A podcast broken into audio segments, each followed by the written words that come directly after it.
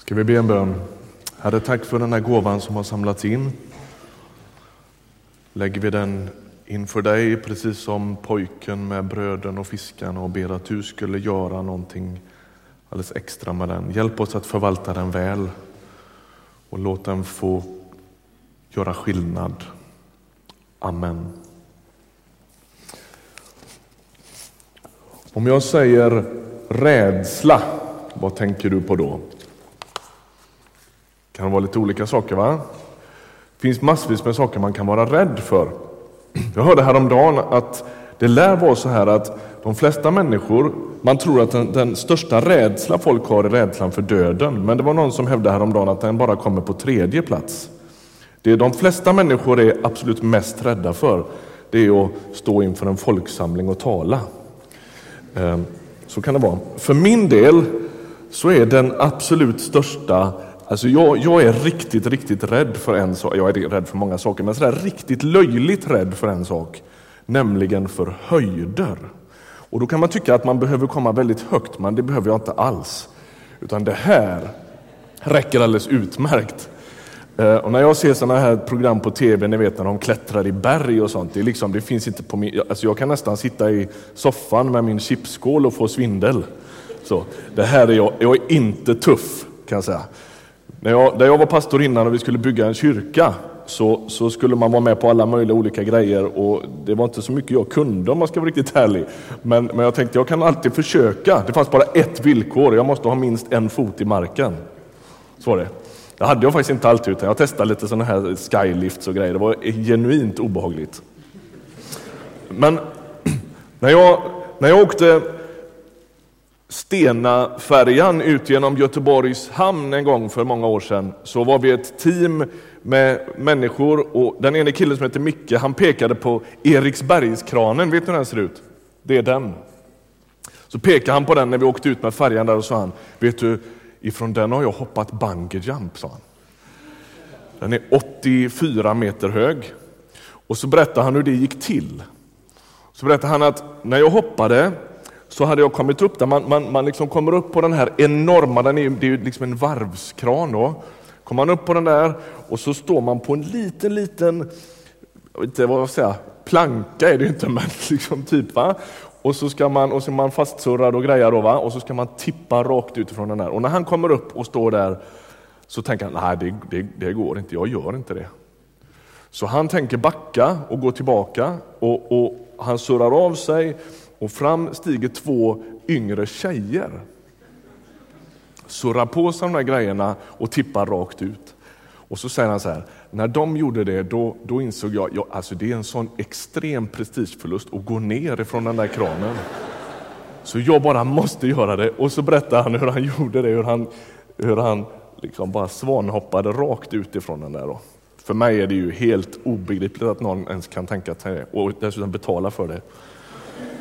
Eh, men det som var grejen var ju att det blev en annan drivkraft, nämligen prestigen, eh, stoltheten, som blev starkare än rädslan. Eller hur? Och idag ska vi fundera lite grann på, finns det en drivkraft, en kraft i våra liv som faktiskt skulle kunna tala högre än våra rädslor? Låt oss läsa ifrån Apostlagärningarnas första kapitel. Ni vet att vi är, det kanske ni inte vet, men vi är i en serie predikningar som vi kallat för Andens folk. Vi började förra söndagen. Ehm, kommer att hålla på hela sommaren och läsa Apostlagärningarna. Och förra veckan handlade det om Jesu himmelsfärd och även idag befinner vi oss i kapitel 1, åtminstone till en början. Och vi läser från vers 12. Jesus har precis stigit upp till himlen och då kommer vi in i berättelsen. Och de som det refereras till här, det är lärjungarna. Då återvände de till Jerusalem från det berg som kallas Olivgårdsberget och som ligger bara en sabbatsväg från staden. Och när de kom dit gick de upp till det rum i övervåningen där de höll till. Petrus, Johannes, Jakob och Andreas, Filippos och Thomas, Bartolomaios och Matteus, Jakob, Alfaios son, Simon Seloten och Judas Jakobs son. Alla dessa höll ihop under ständig bön tillsammans med några kvinnor, Maria, Jesu mor och hans bröder. Vi utgår därifrån. Förra veckan så pratade vi en del om Jesu himmelsfärd och jag påstod då att den var helt avgörande för hur den tidiga kyrkan betraktade omvärlden, sig själva, hur de betraktade Jesus, hur de betraktade framtiden och därmed hur de såg på sin roll i världen och i tillvaron överhuvudtaget. Eh, och innan Jesus lämnar lärjungarna så säger han att de ska få helig ande som gåva. Lite tidigare i det här kapitlet så säger han så här. Ni ska få kraft när den heliga ande kommer över er och ni ska vittna om mig i Jerusalem och i hela Judeen och Samarien och ända till jordens yttersta gräns. Vers 8. Då är frågan, varför ska anden ges? Jag skulle vilja svara på ett par olika sätt på det under min predikan idag. För det första så ges anden därför att utan anden så finns det faktiskt ingen kristen erfarenhet. Utan anden så, så finns det inget liv i Jesusberättelsen, men när anden kommer så ger den liv åt den historien. Niklas Pienso som är pastor i Stockholm, han har, han har beskrivit det här så bra en gång så jag tänkte låna den bilden. Han säger att anden i en mening fungerar lite grann som sådana där 3D-glasögon. Kommer ni ihåg sådana här fula som man hade på 70-80? Nu är de ju tillbaka, nu är de mycket slickare. Nu är det ju liksom högteknologiskt med kablar och grejer. Men då var det papp. Och så var det ett grönt och ett rött öga. Kommer ni ihåg de fräcka? Man kunde, när man hyrde en moviebox på Statoil så fick man med sådana snygga. Mm. Så satt man hemma och tittade på dem och så fick bilden tredimensionellt djup. Och så säger Niklas så här att anden fungerar i en mening på samma sätt. Ni förstår att bilderna alltid är lite platta och halta, va? Men, men anden ger djup, närvaro och perspektiv åt Jesusberättelsen. Den där berättelsen som i förstone är liksom platt, som är en bok och bokstäver och trycksvärta och bara en historia i mängden. När anden kommer så är det som att bilden får ett djup.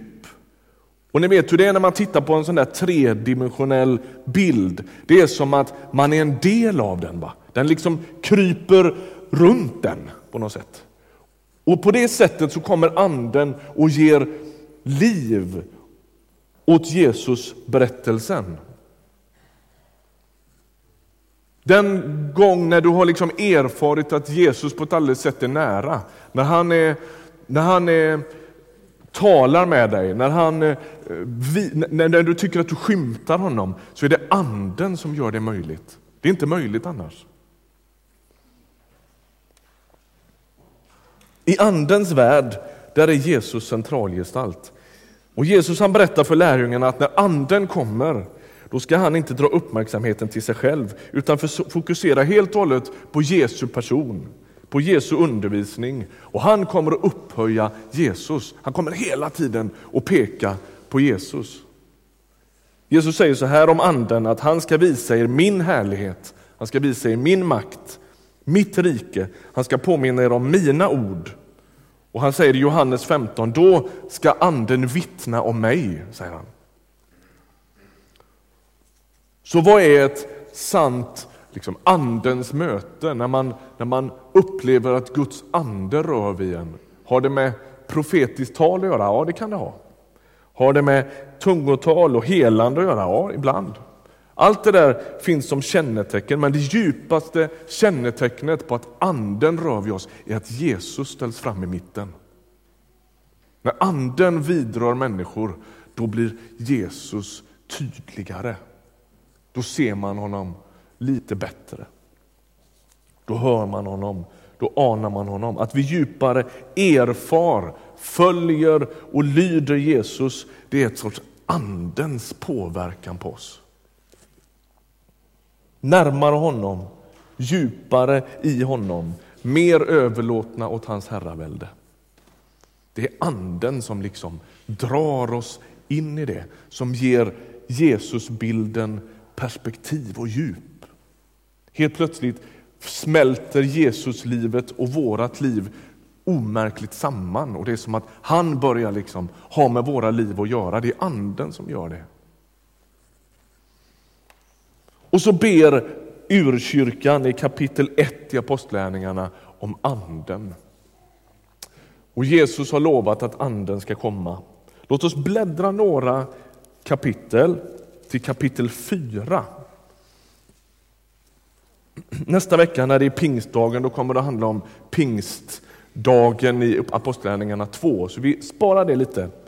Det ska Elinor predika om nästa vecka. Men om vi rör oss till kapitel 4 så är bakgrunden den här att nu har det hänt en massa saker. Pingstdagen har ägt rum. Eh, Petrus och Johannes de eh, kommer till templet en dag och så ber de för en sjuk, en man som har varit lam i massvis med år.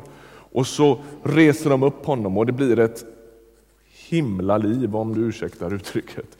Därför att det sker på fel sätt och det retar religiositeten.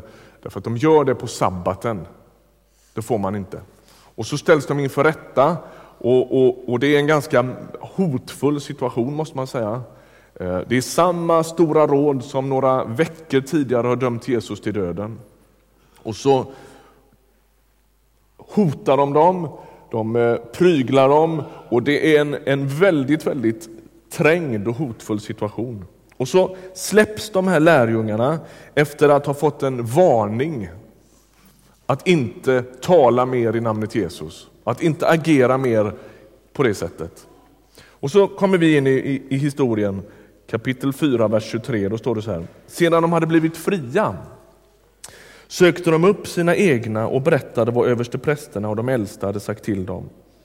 När de andra hörde det började de gemensamt be högt till Gud och sa Härskare, du som har gjort himmel och jord och hav och allt vad de rymmer. Du som har låtit den heliga Ande säga genom vår fader David, din tjänare, varför förhäver sig hedningarna? Varför smider folken fåfänga planer? Jordens kungar träder fram och furstarna gaddar sig samman mot Herren och hans mode. Och så står det så här, ja, de har sannerligen gaddat sig samman här i denna stad mot din helige tjänare Jesus som du har smort. Herodes och Pontius Pilatus, hedningarna och Israels folk, alla har de gjort vad din makt och ditt beslut hade förutbestämt. Se nu hur de hotar oss, Herre, och ge dina tjänare frimodighet att förkunna ditt ord. Sträck ut din hand och bota de sjuka. Låt tecken och under ske genom din helige tjänare Jesu namn. När de hade slutat be skakade marken där de var samlade och alla fylldes av den helige Ande och förkunnade frimodigt Guds ord. Alltså, fundera lite grann över vad det är de här människorna ber om och hur de ber. De verkar inte be om någonting av det som är väl, sådär jätteviktigt för oss. De ber inte en enda bön om trygghet, om lugn och ro, om att farorna ska elimineras. De ber helt andra böner. De ber utifrån att de har blivit fängslade, tillfångatagna, hotade och de har ställts inför ett ultimatum att de aldrig mer får tala i Jesu namn. Och man tycker att de skulle kunna be Gud, gör inte så här mer, bota inte sjuka på sabbaten, det blir oerhört krångligt och livsfarligt. Snälla, vi låt oss göra på ett annat sätt. Men det ber de inte, utan de ber alltså, det de gör är att de ber om mer av det som har skapat problemet. Ser du det? De ber Gud, sträck ut din hand och bota de sjuka.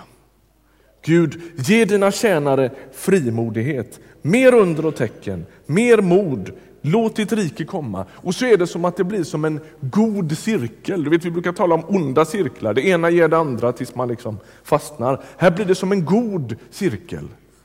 De har bett om anden, de har fått anden, anden ger dem mod och frimodighet som de inte trodde att de var, var, var i stånd att uppbåda. Och så ber de för sjuka, de delar sitt, sin story om Jesus och så blir de fängslade och så hotas de och därför måste de be om anden som ger dem mod, som gör att de agerar, som gör att de hotas och så måste de be om mer av anden. Ser du hur det liksom blir som en god cirkelrörelse? Det är en anmärkningsvärd historia. Det är samma människor som har lagt benen på ryggen några veckor tidigare och sagt att det där med Jesus, nej, nej, de smet. De för, förrådde honom, de låtsades som att han inte fanns. De, Petrus han förnekar Jesus, inte inför en romersk armé utan inför en liten tjänsteflicka. Och så fylls de av Andens kraft och så blir det något annat. Det blir som ett sorts heligt kretslopp. Och Jesus har tidigare då i kapitel 1 sagt, ni ska få kraft när den helige Ande kommer över er och så ska ni bli mina vittnen, säger han. Vittne på grekiska, det är samma ord som martyr. Alltså anden som visar vem Jesus är, sa vi innan. Va? med 3D-glasögonen. Det är också samma ande och samma kraft som knuffar oss i ryggen och ger oss mod att berätta om det vi just har sett. Till och med när det sker med fara för oss själva och vår egen säkerhet, vår egen trygghet. Och Det är som att Jesus antyder att när Andens kraft kommer över dig, då kommer du att då kommer du att våga lite mer. Då kommer du att glöda lite mer. Då kommer du att drabbas av en lidelse som gör att du gör det som du annars inte skulle våga göra. Jag vet inte om du håller med mig, men jag skulle hävda att svensk kristenhet, nu vet ni att det här är generaliserande så det bara sprutar om det. Men om vi vågar oss på det och tillåter oss det så kan vi säga att svensk kristenhet är ganska trött. och lite modfälld. Jag tycker att jag ser det i mitt eget liv och jag tycker att jag ser det liksom runt omkring oss. Det är som att vi har tappat geisten lite. Som att vi övermannats av en sorts känsla av att det, äh, vadå, det spelar ingen roll. Det duger inte. Och vi har faktiskt blivit lite rädda. Tänk, vad ska människor tro? Man vill ju inte uppfattas som knepig. Man vill ju inte verka extrem. Tänk om folk liksom, ja du vet. Och så har vi sakta men säkert backat in i hörnet och tappat modet.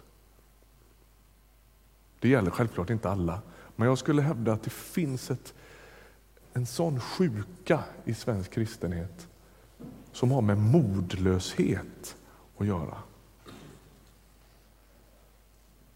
Vad är det som saknas? Vad är det som saknas? Jag tror inte att det handlar om att ta sig i kragen och skärpa sig. Och Det här är liksom inget sånt här, du vet, man hör sådana här hurtiga konsulter som berättar att man ska våga lite mer. Det, liksom, det ligger inte på det planet. Det ligger inte på det planet. Utan det är som att Andens erfarenhet gör, eller botar våran skada. Andens erfarenhet botar modlösheten, rädslan. Andens erfarenhet blir kraften som talar högre än våra rädslor. Kommer du ihåg Micke som stod längst upp i Eriksbergskranen? En annan drivkraft måste tala högre än rädslorna.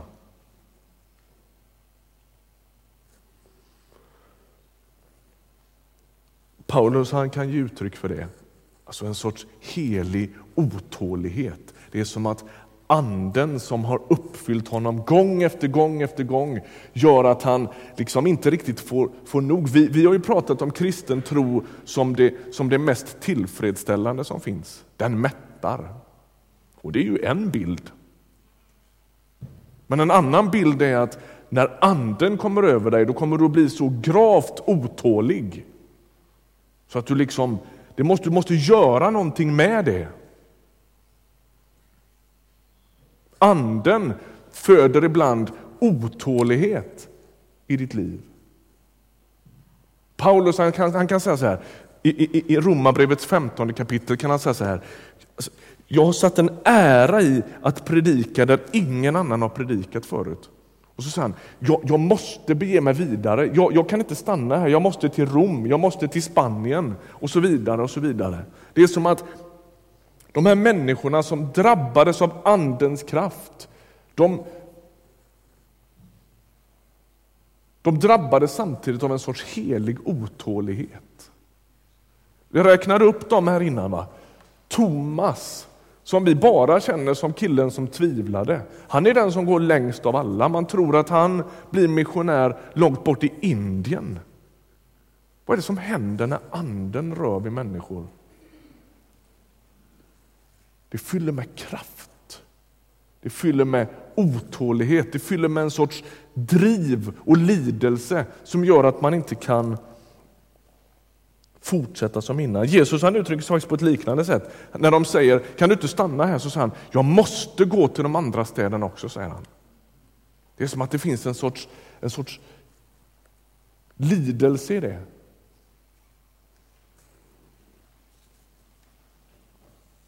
Jag kommer ihåg när jag ungefär kanske 19-20 år gammal befann mig på ett möte, en gudstjänst och bad på ett alldeles påtagligt sätt om att få bli fylld av anden. Och jag gjorde en sorts erfarenhet av att Guds kraft och Guds ande fyllde mig. Eh, det gjorde inte att jag blev sugen på att springa på så mycket möten som möjligt och tänka wow, vad spännande, det här måste jag vara med om igen. Utan det gjorde någonting med mig som jag aldrig hade liksom stått för innan. Det gjorde att jag började drömma om att få dela min tro med andra. Det är vad det gjorde med mig. Det gjorde många andra saker också, men det gjorde framför allt det. Det gav mig ett nytt fokus utanför mig själv.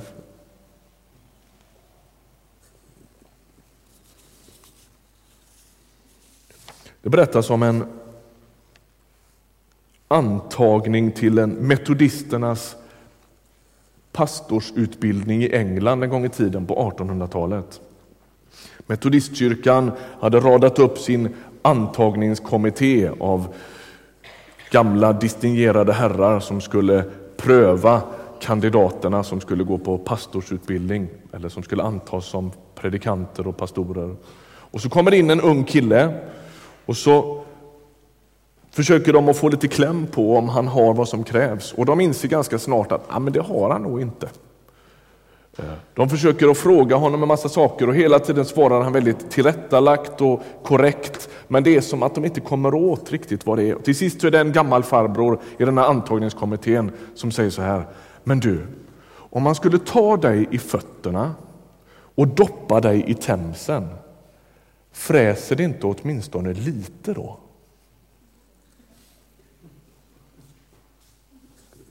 Alltså, glöder det inte? Var finns din lidelse? Var finns din passion? Om vi skulle ta dig och doppa dig i Themsen, fräser det lite då? Eller vad händer då? Och lite är det det som är, som är grejen idag.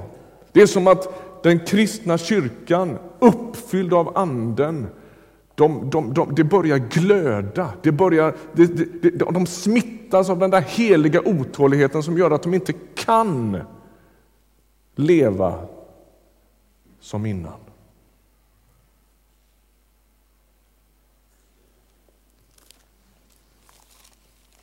För med mig kort till andra Timoteusbrevet. Där säger Paulus så här. Timoteus är en av Paulus nära medarbetare men också en ung pojk som kommer ut i sorts missionärsroll när han förmodligen inte är mer än tonåring eller något mer. Och Timoteus han verkar ha haft en tendens att backa och liksom tappa modet. Och då säger Paulus så här, kapitel 1, andra Timoteus 1 och 6. Därför påminner jag dig om att du ska blåsa liv i den nådegåva från Gud som finns hos dig sedan jag la mina händer på dig. Ty Gud har inte gett oss modlöshetens ande utan kraftens, kärlekens och självbesinningens. Skäms alltså inte för vittnesbördet om vår Herre och inte heller för mig som är fånge för hans skull, utan lid för evangeliet du också med kraften från Gud. Han har räddat oss och kallat oss med en helig kallelse, inte på grund av våra gärningar, utan genom sitt beslut och sin nåd som han skänkte oss i Kristus Jesus redan före tidens början, men som har blivit uppenbar nu när vår frälsare Kristus Jesus trätt fram. Han har utplånat döden och dragit liv och oförgänglighet fram i ljuset genom evangeliet, för vilket jag har satts att vara förkunnare, apostel och lärare. Därför måste jag utstå allt detta, men jag skäms inte, för jag vet vem jag tror på och jag är viss om att det står i hans makt att bevara det som jag har fått mig anförtrott ända fram till den dagen. Det är som att Timoteus har en tendens att backa.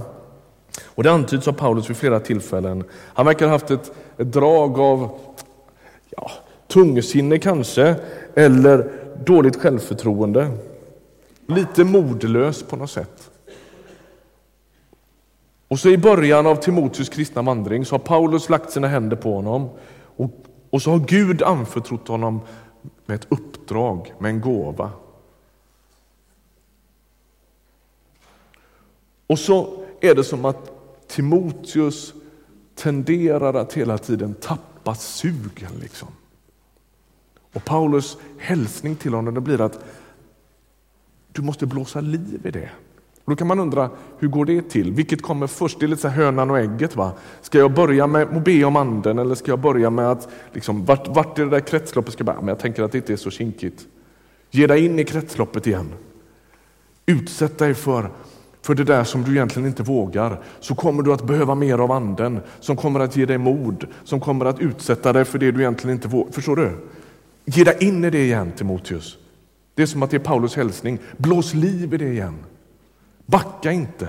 Nöj dig inte med något mindre. Låt inte dina lidelser och dina drömmar kokas ner till platt-tv-apparater och lättmetallfälgar och nyrenoverade kök. Rostfria kylskåp. Hur många, får jag fråga, hur många som har ett vitt kylskåp har varit med om att det har börjat rosta? Lev för något större. Lev för något större. Blås liv i det. Låt anden svepa med dig. Låt anden fylla dig med kraft så att du blir ett vittne, en martyr. Någon som vågar sätta något på spel.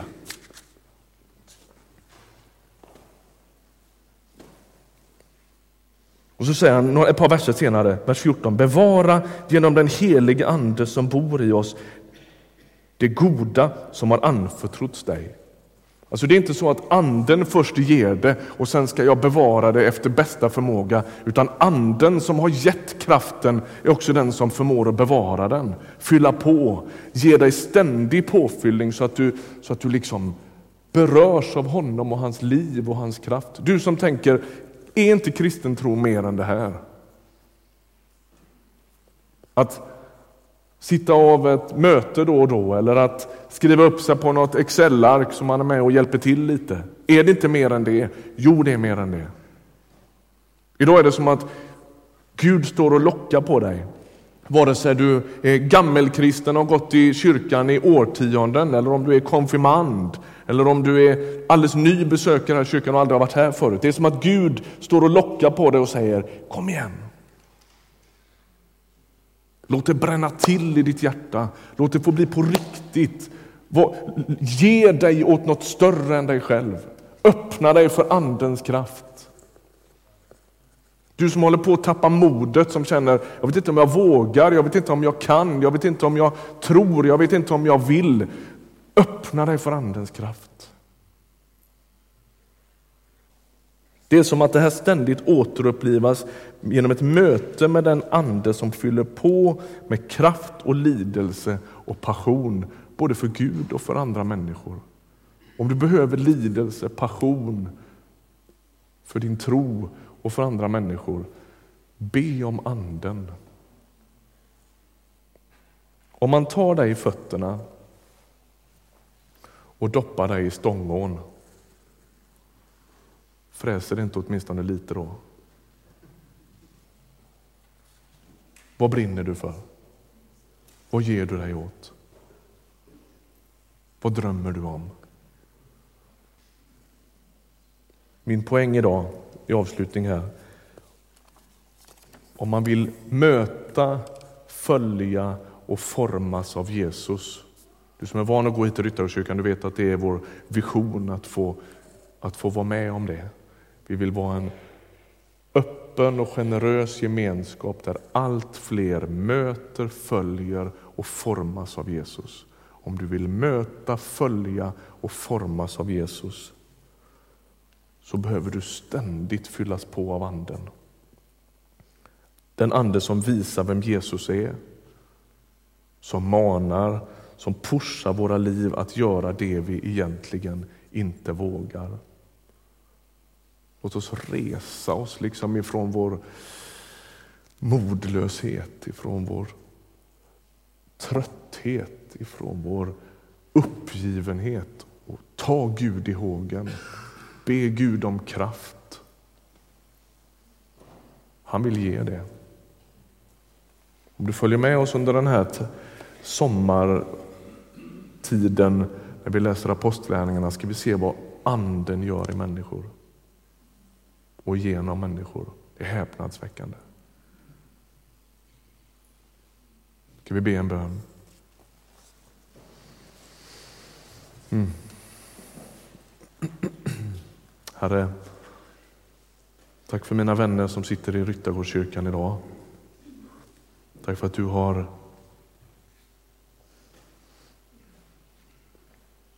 ett ärende till våra liv.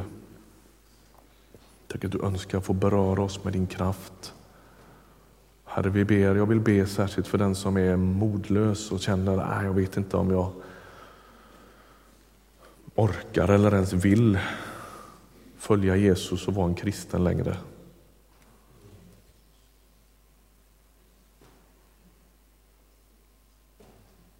Herre, vi ber om mod och en sorts så här, vilja och målmedvetenhet att söka dig tills vi finner dig. Herre, rädda oss ifrån alla försök att ta oss i kragen. Vi liksom önskar att inte det blir det man tycker att man hör idag, utan vi ber att du skulle fylla oss med din kraft. Vi, vi behöver dig för att följa dig. Fyll oss med dig själv. Låt din ande få beröra oss. Gör någonting med oss så att vi att vi får brinna för dig, att vi får glöda för dig, att vi får ge oss åt något som vi egentligen inte riktigt vågar. Vi ber om det. Ge oss den erfarenheten. Jag ber för den som har haft den erfarenheten men som någonstans liksom har eh, fejdat ut. Vi ber att du ska locka oss in på banan igen. Fyll oss med dig själv. Amen. Amen.